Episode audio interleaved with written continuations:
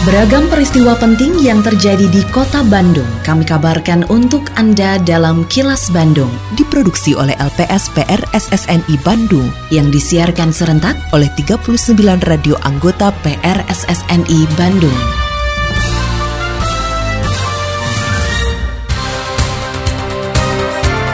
Sejumlah informasi aktual kami hadirkan untuk Anda dan inilah informasi utamanya. Warga diimbau mengecek barcode saat membeli hewan kurban. Pemeriksaan hewan kurban rutin dilakukan menjelang Idul Adha. Puluhan ibu rumah tangga dan anggota PKK mengikuti pelatihan Ekobri. Saya, Santika Sari Sumantri, inilah kelas Bandung selengkapnya. Wali Kota Bandung Yana Mulyana mengimbau warga membeli hewan kurban yang sudah dilengkapi tanda pemindai atau barcode untuk menyatakan kondisi kesehatannya. Barcode bisa dipindai melalui aplikasi e-Selamat sehingga calon pembeli juga bisa mengetahui asal-usul dan jenis hewan kurban yang akan dibeli. Yana menegaskan hewan ternak yang sudah dipasang barcode merupakan hewan kurban yang sudah dilakukan proses pemeriksaan. Adanya barcode ini untuk memberi keyakinan kepada masyarakat kota Bandung yang hendak membeli hewan kurban. Selain itu, Yana juga memastikan petugas di lapangan sudah cukup untuk memantau kesehatan hewan kurban. Kalau yang akan kurban itu diperiksa dan nanti kalau dinyatakan sehat diberi peneng barcode dan di situ di barcode itu nanti dengan aplikasi e-selamat itu nanti ada jadi nggak bisa ditukar-tukar karena ada foto sapinya, pemiliknya, ada si story tentang si sapinya ya sapi ini dari mana, terus terakhir diperiksa tanggal berapa. Itu mudah-mudahan memberikan keyakinan kepada masyarakat untuk melaksanakan kurban di Idul Adha tahun ini. Insya Allah lah.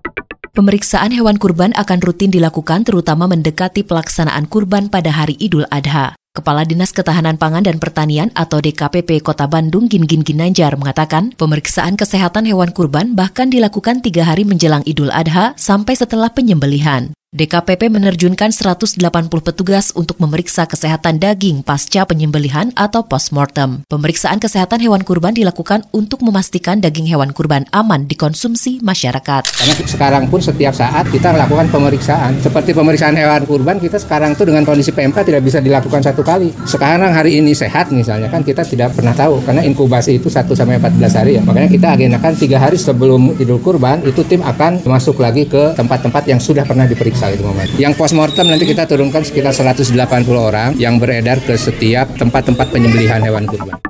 Hewan ternak yang sembuh dari penyakit mulut dan kuku atau PMK tetap aman dikonsumsi selama memasaknya dilakukan dengan benar. Kepala Dinas Ketahanan Pangan dan Pertanian atau DKPP Kota Bandung Gin Gin Ginanjar mengatakan, Majelis Ulama Indonesia atau MUI juga sudah membuat fatwa tentang hal tersebut. Meski begitu, masyarakat disarankan mendapatkan daging sehat yang ditandai dengan pemasangan kalung tanda hewan sehat. Sedangkan terkait pembagian daging hewan kurban, Gin-Gin menyarankan agar menggunakan kemasan yang bisa didaur ulang. Sebetulnya kalau yang hewan sudah sembuh dari PMK juga tidak masuk kategori yang divaksin karena dari situ setelah sembuh mereka akan membentukkan membentuk antibodi alami itu. Makanya sebetulnya aman dikonsumsi. Bahkan sekarang kan keluar fatwa MUI yang menyatakan selama memang pemasakannya itu benar itu aja sih prinsip.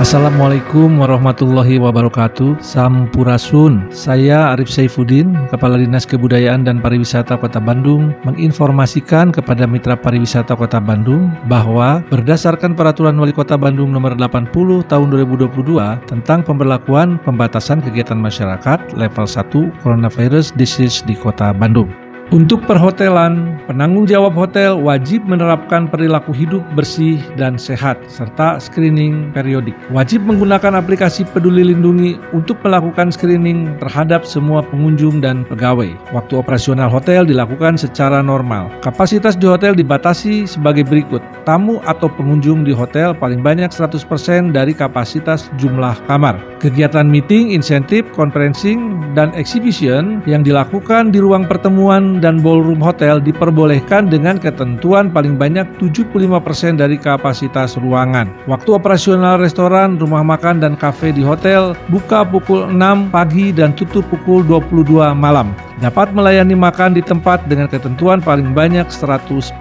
Fasilitas spa, message, pijat, refleksi di hotel diperbolehkan dengan kapasitas paling banyak 100%. Fasilitas pusat kebugaran atau gym di hotel diperbolehkan dengan kapasitas paling banyak 100%.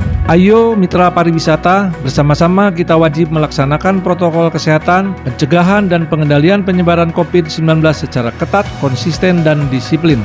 Iklan layanan masyarakat ini dipersembahkan oleh Dinas Kebudayaan dan Pariwisata Kota Bandung. Kini, audio podcast siaran Kilas Bandung dan berbagai informasi menarik lainnya bisa Anda akses di laman kilasbandungnews.com.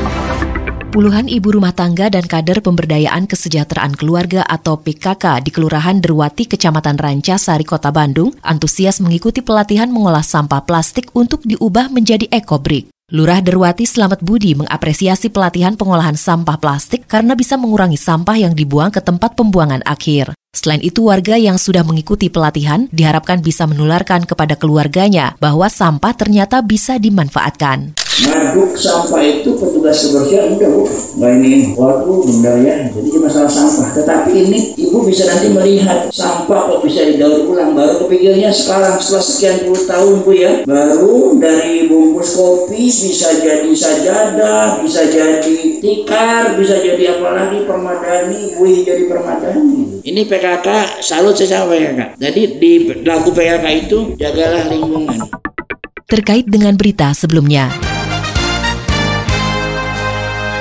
Kalangan toko retail modern di kota Bandung terus mendukung upaya pelestarian alam dan menjaga lingkungan antara lain dengan berupaya mengurangi volume sampah. Brands Corporate Communication Alfamart Elisa Revila mengatakan pihaknya memiliki program Green Clean berupa pelatihan EcoBrick yaitu mengolah sampah plastik menjadi barang yang memiliki nilai ekonomi. Menurut Elisa, pelatihan menyasar para ibu rumah tangga dan kader pemberdayaan kesejahteraan keluarga atau PKK dengan harapan pelatihan bisa berlanjut kepada anggota keluarga peserta pelatihan. Selain pelatihan, pihaknya juga mengajak warga untuk mengurangi kantong plastik saat berbelanja. Tujuan kegiatan adalah mengajak warga kota Bandung untuk mengurangi volume sampah yang dihasilkan dari aktivitas harian. Salah satunya dengan pelatihan EcoBrick, yaitu mengolah bungkus plastik bekas minuman dan makanan menjadi barang yang memiliki nilai ekonomi. Kita belajar cara membuat furniture, yaitu kursi kecil dari bahan EcoBrick, sekaligus mensosialisasikan juga upaya Alfamart untuk mengajak warga mengurangi penggunaan kantong plastik plastik saat berbelanja.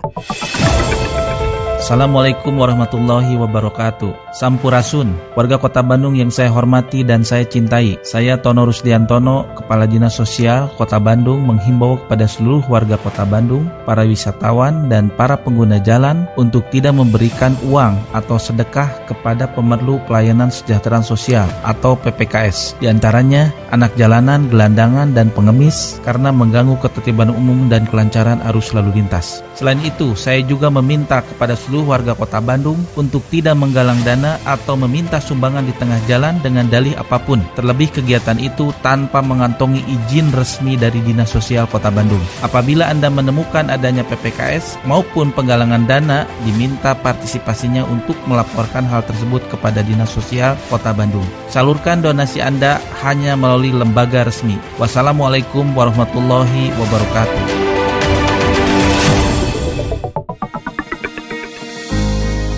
Sebagai penyintas COVID-19 pertama di kota Bandung, pernah merasakan bagaimana terpaparnya tubuh oleh virus corona. Jauh dari nyaman, karena nyawa kita sedang terancam. Jadi, jangan sampai hal tersebut Anda alami. Warga Bandung, pandemi COVID-19 belum usai. Mari disiplin menggunakan masker, cuci tangan selalu, jaga jarak, dan hindari kerumunan masih menjadi keniscayaan. Mari kita jalankan pola hidup sehat, makan teratur, istirahat yang cukup, dan berolahragalah. Saya Yana Mulyana, Wali Kota Bandung. Atur nuhun. Iklan layanan masyarakat ini dipersembahkan oleh Dinas Komunikasi dan Informatika Kota Bandung.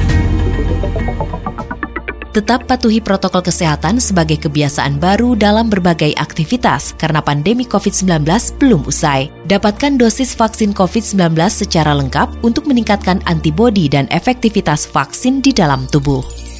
Terima kasih Anda telah menyimak kilas Bandung yang diproduksi oleh LPSPR SSNI Bandung.